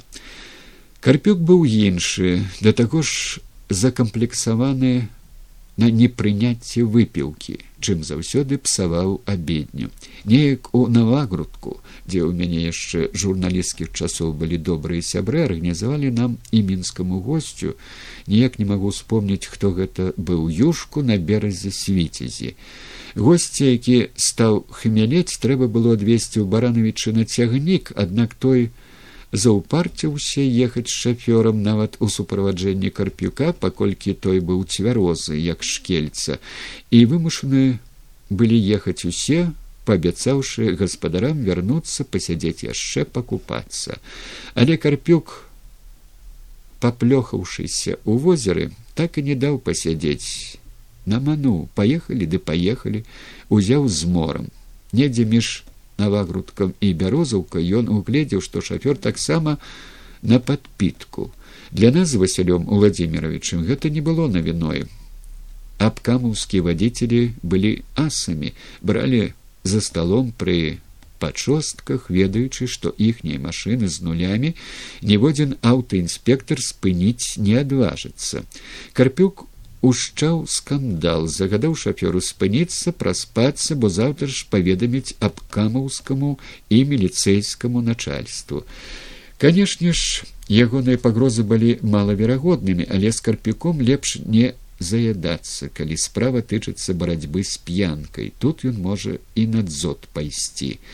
Тым часам добра сцямнела пасунуліся да ліды на маленькай хуткасці і па карпюковым патрабаванні вымушаны былі заначаваць у гасцініцы ў агульным нумары. Раніцой ціхенька тузае василь владимирович і шэпча паглядзі. На ложку стаяў на галаве с лупам карпюк і заўважыўшы што мы не спім стоячы на галаве ушчаў нам лекцыю аб шкодзе п'янкі і аб карысці йогі. Але аднойчы і мы яму адпомсцілі аднак пра гэта пасля. Былі розныя паездкі надзвычай змястоўныя так сабе і з вясёлымі прыгодамі які чамусьці больш за ўсё трымаюцца ў памяці як тая на чорную ганчу з украінскімі гасцямі драматургам мыколам зарудным напорыстым веселуном нечым падобным да нашага андрэя макаёнка і з дырэктарам выдавецтва роднаснага нашай мастацкай літаратуры чалавекам у гадах які ў вайну фарсіраваў нёман недзе ў раёне сапоцкінай надта ж хацеў пабываць на месцы баявой славы. Заадно василю владимировичу хацелася паказаць гасцям свой любімы райскі куточак на нёмане у вусце чорнай ганчы дзе канчаецца ці пачынаецца ў залежнасці як глядзець закінуты славуты аўгустоўскі канал з паўразбураным шлюзам под магутнымі клёнамі і дубамі гэты куточак ён угледзеў з'ездзіўшы пераездзіўшы ў свой час нёман на маторцы паклалі ў багажнік прыпасы і паехалі не дакумекаўшы удакладніць у музеі дзе канкрэтна фарсіравала раку тая ці іншая вайсковая часць паспадзяваліся на памяць ветэрана і запэўненні вадзіцеля што яму вядомы там усець сцежкі дарожкі. Ды да василь владимирович прыкладна ведаў месца пераправы наших войскаў. Але адна справа глядзець з ракі на бераг а зусім іншая з берага на раку. Тыцнуліся ў адно другое трэцяе пятое месца быццам тут і не тут. Не пазнае ветэран надта ўсё перамянілася з тых часоў зарудны спачатку пацвельваўся потым стаў злавацца на земляка а василий владимирович наадварот з яшчэ большым разуменнем і шчырасцю паставіўся да жадання ветэрана цярпліва падказваў пасаробленаму вадзіцелю куды трэба павярнуць аж пакуль сам не заблытаўся мо праз гадзіну ці больш зразумелі што патрэбнага месца нам не знайсці. Махнули рукой і рашылі ехаць у райскі куточак. Мясціны тут лясістыя, маланаселеныя, з мноствам дарожак і прасек неўзабаве стала ясна, што наш ас за рулём канчаткова заблытаўся, куды не паверне увапрэцца ў гушчар. Збіліся з усялякіх арыенціраў і мы. Стала ўжо не да жартаў, А што калі машына сапсуецца ці бензін выездзем нарэшце праз якую гадзіну ці больш з палёгкай уздыхнулі выбіўшыся на невялічкую лясную вёсачку. Па вуліцы ішла жанчына з вядром высыпалі з машыны і пачулі ад яе чысцюткую працяжную украінскую мову Адкуль ты тут хахлуха, аж вочы палезлі на лоб у мыколы заруднага. Кабета не менш за іх здзівілася, убачыўшы землякоў, расказала, што прывёз яе сюды з палтаўшчыны беларус, які служыў там у арміі. Стала настойліва запрашаць зайсці ў хату. Але ў нашых планах не было гасцявання ў падковай землячкі нашых гасцей, падзякавалі, што толкова расказала нават намалявала на паперцы як даехаць туды куды мы выбраліся і неўзабаве апынуліся ў райскім куточку. Развялі цяпельца узялі добрую чарку і за ветэрану і за дружбу народу і за тую хахлуху што показала нам сюды дарогу а калі волею лёсу мы з васілём владимировичем аказаліся суседзямі то у яго адпала ўсялякая патрэба званіць мне на работу сустракаць на шляху з работы калі спатрэбіцца нешта абгаварыць. Званю вечарком дадому падымаўся да мяне ці я спускаўся двумя паверхамі ніжэй да яго альбо дамаўляліся пагуляць па старажытных вузкіх вулічках. Ён вельмі любіў і гэтыя вулічкі і вячэрнія прагулкі па іх. Колькі гаворана перагаворана ў час гэтых прагулак па амаль бязлюдных старых вулічках. Многае забылася многае прыпамінаецца зусім свежа з усімі характэрнымі інтанацыямі ягонага голасу. Я ніколі не записываў не вёў ніякіх дзённікаў і не надта шкадую бо ўсё гэта было б не надта вялікім адкрыццём не надта значным дадаткам да таго чым ён жыў якія жыццёвыя маральныя палітычныя літаратурна эстэтычныя праблемы яго хвалявалі. Усё гэта ёсць у ягоных мастацкіх творах грунтоўнай публітыстыцы якая дзякаваць богу выдадзена у некалькіх кніжках і нарэшце у ягонай мемуарнай кнізе. Василь владимирович ніколі не гаварыў над чым канкрэтна працуе баючыся сурочыць. У нейкай меры ён быў несвабодны ад пэўных сялянскіх прымхаў і забабонаў. А што тычыцца рэлігіі не быў непаслядоўным прыхільнікам нейкай адной канфесіі ні заўзятым вернікам ні актыўным атэістам. Бог жыў у ягонай душы. З ім іншы раз рабілася незразумелыя сапраўды нейкія містычныя рэчы прыгадаю усяго адну злавесны сэнс якой высветліўся толькі цяпер. Василь владимирович не раз расказваў амаль заўсёды едучы за рулём на вушачы ці з вушач ля бараўлян з ягонай машыны нешта здаралася. Ці мотор пойдзе ў разнос бы нейкая нячыстая сіла раптам пасялілася ў карбюратары ці наадварот глухне і не з месца. Варта адбуксировать за кіламетр і ўсё ў парадку ён меркаваў што ля бараўлян нешта мусіць з ім здарыцца мо трапіць у аўтааварыю. Мо гэта падаваў сігнал яму ягоны знак бяды хто ведае менавіта ў бараўлянах закончыўся ягоны жыццёвы шлях. Але пра некаторыя свае планы і задумы василь владимирович гаварыў ахвотна. Многія з іх ён рэалізаваў іншыя так і засталіся задумамі. Ён неяк казаў мне што ўсе гэтыя гады пасля вайны яго глыже маральны абавязак напісаць страшную рэч у цэнтры якой коні на вайне.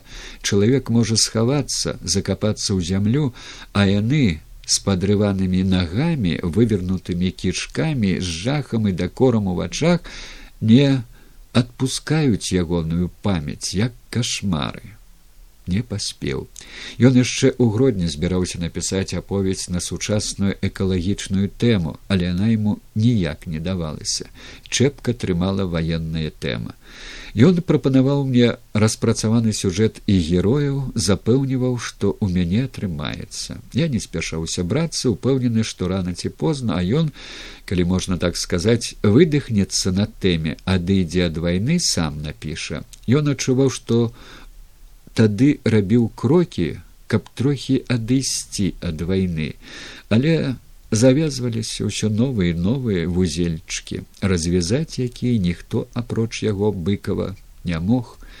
Думаю варта сказаць пра гродзенскія кватэры васіля быкова асабліва пра апошнюю пра якую і вусна і ў друку нагаворана шмат рознага глупства кшталту. То быццам быкаў не хацеў яе атрымоўваць. Яго ледзьці не сілком усялілі каб узяць на кручок зрабіць ручным і паслухмяным. То наадварот нібыта распанеў прадаўся за шыкоўныя пакоі і гэтак далей.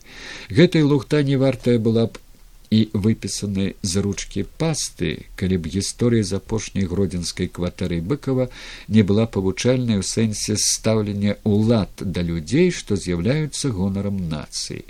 Я добра ведаю, што задумвалася і што адбылося з гэтым элітным домам, а задумвалася пабудаваць яго і пасяліць тут усё абласное кіраўніцтва, як гэта рабілі ў Маскве.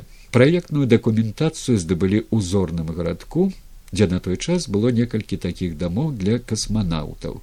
Пасадзілі касмічны дом на амаль тупіковай вуліцы парыцкай камуны ў гістарычным цэнтры сярод старых прысад на самай высокай у горадзе маляўнічай кручы нёмана.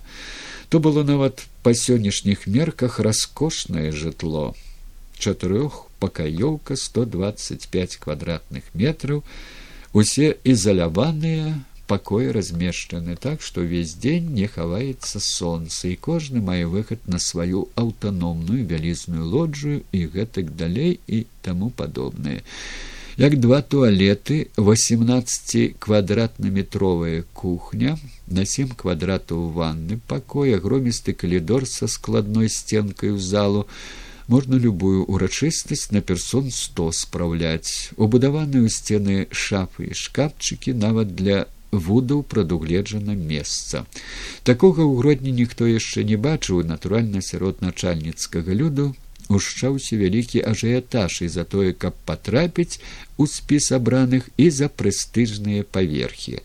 Аднак як толькі змрачнаватая на выгляд дзевяціпавярховая няўклюдная грамадзіна на двадцать чатыры кватэры, якую мясцовыя дасціпнікі тут жа празвалі бункерам, кітка ўпісалася ў гарадскі ландшафт і была падрыхтавана да засялення першы сакратар абкама кляцкоў перадумаў сам засяляцца і загадаў паказаць усе кватэры быкаву якую выбера выпісаць ордер а незамужнюю ольгу корбут усяліць у трох пакаёвку.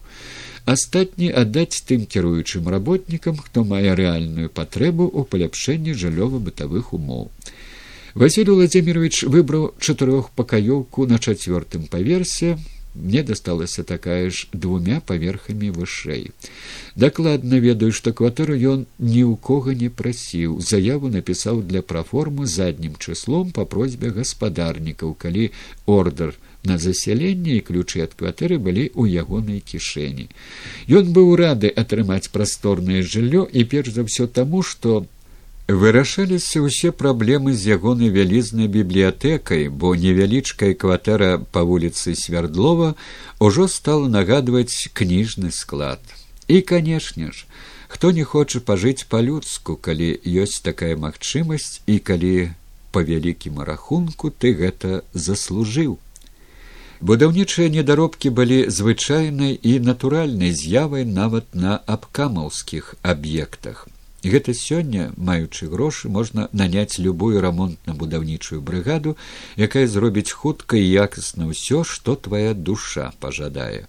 Грошы у быкова тады былі, але не было будматэрыялаў і людзей, якія ўзяліся б усё зрабіць па-людску. Даводзілася бегаць па магазинах, даставаць фарбы, лак, клей, нават крэйду і замаску. Як знаёмыя блізкія суседзі мы паколькі раз на дні сыходзіліся, раіліся, кааперыраваліся. Засведчу толькі, што абсталёўваў сваё новае жытло ён з любоўю, вялікім імпэтам, разважлівай сялянскай самавітасцю. У адрозненне ад сваёй гродзенскай дачы, якую цярпець не мог. Ды і да мінскай, здаецца, не меў вялікай любові але не наканавана было яму пажыць парадавацца ў тых шыкоўных апартаментах як і мне таксама. Праз нейкіх пару гадоў мы адзін за адным па розных прычынах з'ехалі ў мінск І ўвогуле гэтая кватэра для ягонай сям'і аказалася нешчаслівай. Сын Васіль знайшоў сваю палавінку зусім побач, злюбіліся, пажаніліся з дачкой генерала, што жыла ў суседняй трох пакаёўцы. Толькі сышліся, як наваліліся беды, адно за другім сталі паміраць маці, цесць, цешча спрытныя чыноўнікі палічылі што дзве кватэры для маладой сям'і гэта ўжо занадта праўдамі няпраўдамі выжылі з абодвух у дом на свердлова дзе раней жыў быкаў прыхапіўшы шыкоўныя кватэры сабе у людзей хто мала ведаў васяля владимировича меркаваў пра ягоную асобу па фотокартках відэазапісах складвалася ўражанне што пісьменнік быў заўсёды строгі сур'ёзны пануры пахмурны і нават злы. Неяк здаралася, што не апыналася побач добрых фатографаў, калі быкаў быў у гуморы, вясёлы, лагодны, сыпаў жартамі, расказваў розныя смешныя гісторыі здарэнні, у якія трапляў сам ці нехта з блізкіх знаёмых.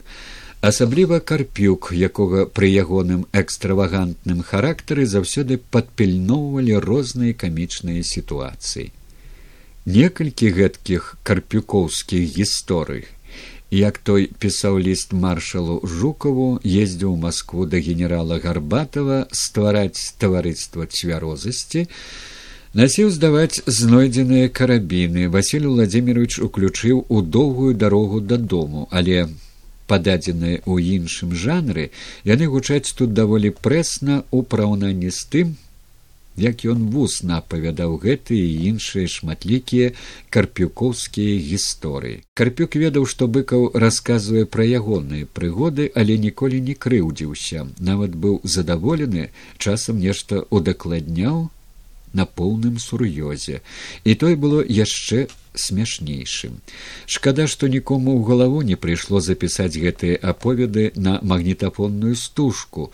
Была б арыгінальная вельмі смешная кніжка, мо яшчэ смяшнейшая, чым знакаміты ананімны лысагорскі сказ. Памятаю неяк па дарозе на воронова куды мы ехалі з мінскімі гасцямі. Зайшла гаворка пра набыццё машын і василь владимирович пачаў расказваць як карпюк абзаводзіўся асабістым транспартам. Спачатку масквічом потым веласіпедам каб быць падобным на льва толстога.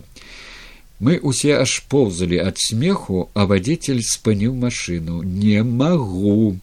А калі трохі суняліся быкаў пачаў у тым жа тоне апавядаць пра свае шафёрскія прыгоды. Ён толькі што атрымаў правы і аб'язджаў купленага жыгуля асаблівая праблема ў яго была з левым паваротам.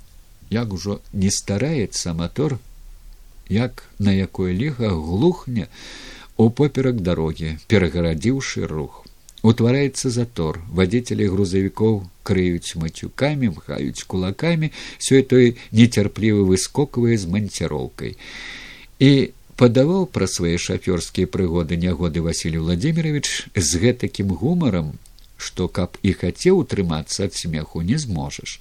Як і пра тое як грузіны раз і назаўсёды яго ад радыкуліту вылічылі кінуўшы спаралізаванага ад болю ў сцюдзённую рэчку, а потым адпаіўшы і расцёршы каньяко. Ён вельмі любіў дасціпныя сяброўскія жарты, розыгрышы. Неяк дамовіліся збегчыся ў геннадзе бураўкіна ў ягоных сівых конях. На здзіўленне быкаў прыйшоў, калі усе ўжо былі ў зборы даруйце хлопчыкі кажа прыпазніўся у чарзе прастаяў новую ж гарэлку выпусцілі з найвялікшай цікаўнасцю чакалі пакуль ён няспешна адчыняў портфель вымаў пляшку з раскошнай каляровай этыкеткай. Во полюбуйцеся кажа пляшку з рук не выпускае толькі каб бачылі назву. Недаўменна лыпаем вачами сівыя коні пляшка пайшла па руках на этыкетцы под назваю драбнейшым шрыфтам ушацкая самаробная і на медалях як у сталічнай у кружочки акуратна ўклеены нашы фізіяноміі ягоныя таксама. Гэта быў вышэйшы пілатаж. Канешне ж не адну гадзіну патраціў мастак быкаў на выраб дасціпнай этыкеткі, каб парадаваць сяброў вясёлым жартам. Ну і яшчэ адна амаль неверагодная вясёлая гісторыя, як мы адпомсцілі карпюку. У літаральным сэнсе напаілі найвялікшага і найпрынцыповейшага чвярозніка. Было гэта на днях украінскай культуры ў Беларусі, у рамках якіх да нас на гродзеншчыну прыехала вялікая група украінскіх і беларускіх дзеячоў культуры, пісьменнікаў, кампазітараў, артыстаў. Карпёк яшчэ не выйшаў запалы ў сувязі з выключэннем з партыі Васіль Владимирович прапанаваў: давай возьмем яго з сабою то будзе для яго вялікай маральнай падтрымкай. Дамовіліся, што я нічога не буду казаць начальству, бо не дазволіць, а ён пагаворыць з карпюком, каб той не надта высоўваўся. Выступалі ў мастоўскім раёне. Усё ішло як мае быць, а вечарам наладзілі падшостку па вышэйшым класе пад дубамі на беразе нёмана. Сталы ломятся ад адборнай закусі і пітва на любы густ. На кастры варыцца архірэйская юшка надвор'е, як па заказу, цёплая і не камарыка, цішыня такая, што чутно, як плёскаюцца рыбы ў нёмане, ды патрэскваюць кастры. Настрой ва ўсіх мінорны у перапынку хорам зацягнулі ой бярозы ды сосны, тут жа аўтар Владимир Владимирович Алоўнікаў расчуленых хоць намагаецца хаваць гэта. Не мецца толькі карпіку. Затара рызаваў быкава. А затым і мяне паехалі дадому досыць гэтай п'янкі. Давай яго напоем, па змоўніцку прапанаваў быкаў. Ты яго пахвалі і дай слова пасля перапынку, а я яму у фужэр набухаю. Карпюк сядзеў з краю сярод бандурыстак, падтрымліваў тосты фужэрам вады. Васіль Владимирович падміргнуў, усё зроблена. Звычайна на пачостках рэй вядзе гаспадар, але паколькі мастоўскі першы мала каго з гасцей ведаў, не настолькі валодаў беларускай мовай каб на ёй весці рэй а сам адчуваў што па-руску такой сітуацыі не зусім будзе правільна упрасіў кіраваць парадам мяне як прадстаўніка абкама. Гаспадынькі ў нацыянальных касцёмах абвясцілі што ў перапынак закончыўся паклікалі ўсіх за стол дзе паставілі міскі з пахучай юшкай. Я падняўся пачаў прачула унёсла нешта кшталту во толькі што мы праспявалі цудоўную партызанскую песню алоўнікава а тут сярод нас прысутнічае чалавек які ў гады вайны са зброяй у руках бараніў гэтыя мясціны камандзір партызанскага атрада а зараз выдатны беларускі пісьменнік алексей нечыпарович карпюк. Я прадаставляю яму слова і прапаную выпіць за тост алексея нечыпаровича стоячы і па партызанскай звычцы да дна карпюк так расчуліўся ж так разгубіўся што стоячы з ледці неполным бакалам знайшоўся сказаць усяго толькі за вас і да дна і двумя глыткамі хлыбуснуў ваду ад узрушэння ён здаецца адразу і не зразумеў што глытнуў толькі сеўшы на месца злосна блізкаў вачыма на суседак злева і справа. Мы пераглядваліся з Васілём Владимировичем і аж кіслі ад смеху. Неўзабаве па ўсім відно было, як пачало разбіраць. Расчырванеўся, завёў ажыўленую смяшлівую гамонку з суседкамі, а калі і насамрэч настаў час ехаць, заўпарціўся. яшчэ рана гуляем. Алексей, ты што, узяў? Здзівіўся василий владимирович згубіў сваю антыалкагольную цноту. А ты думаешь толькі табе можна агрызнуўся незласліва карпюк. Дзелкі сучки наплюхалі ў фужар а я не разабраўшы глыкнуў василий владимирович як і я упершыню бачыў карпіка таким і ў гэтым нязвыклым стане той быў вельмі хорошы і вясёлы аж да самага гродна даводзіў нас да колікаў яўрэйскімі анекдотамі якіх аказваецца ведаў процьму. Але я ніколі не чуў каб расказваў. Гэта быў першы апошні выпадак калі ўдалося ашукаць яго. Апёкшыся аднойчы ён перш чым выпіць свой фужар з вадою заўсёды вынюхваў яго. Спрабаваў на язык нават калі сам адкаркоўваў і наліваў з бутэлькі. А мы былі адзінымі ў гродня хто бачыў вялікага цвярозніка на падпітку. І ад вясёлага да самага сумнага. Колькі слов аб праводзінах у апошні шлях Васіля владимировича улады больш за ўсё непакоіла каб і ў саюзе пісьменнікаў дзе была ўстаноўлена труна з целам нябожчыкам і на вуліцах і на ўсходніх могілках не з'явіліся бел чырвона белыя колеры Аднак на развітанне з самым знакамітым беларусам яны проста не маглі не з'явіцца. І калі выконваючы волю нябожчыка старэйшы сын Сергей Васильевич пакрыў бацькаву труну нацыянальным бел чырвона-белым палотнішчам, урадавая камісія на чале з міністрам культуры гулякам панічна збегла. Можна толькі дзіву давацца, але сёй той у нас ужо стаў шарахацца ад гістарычных нацыянальных колераў як чорт ад крыжаці ладана. Не ўспрымаць іх ледзь не на астральна ірацыянальным узроўні. Бог ім суддзя але ніхто з кіраўнікоў афіцыйных асоб апроч групы дэпутатаў сярод якіх былі машэрава і малафею ці то не палічыў патрэбным развітацца з народным пісьменнікам ці то пабаяўся наблізіцца да небяспечных колераў прыйшоў народ такога бадай пасля пахавання машэрава у мінску яшчэ не было. Десяткі тысяч людзей прайшлі ў жалобны маўчанне ля труны быкова а потым неслі яе на руках ад плошчы перамогі да плошчы якуба коласа запрудзіўшы амаль на ўсю шырыню праспект з карыны.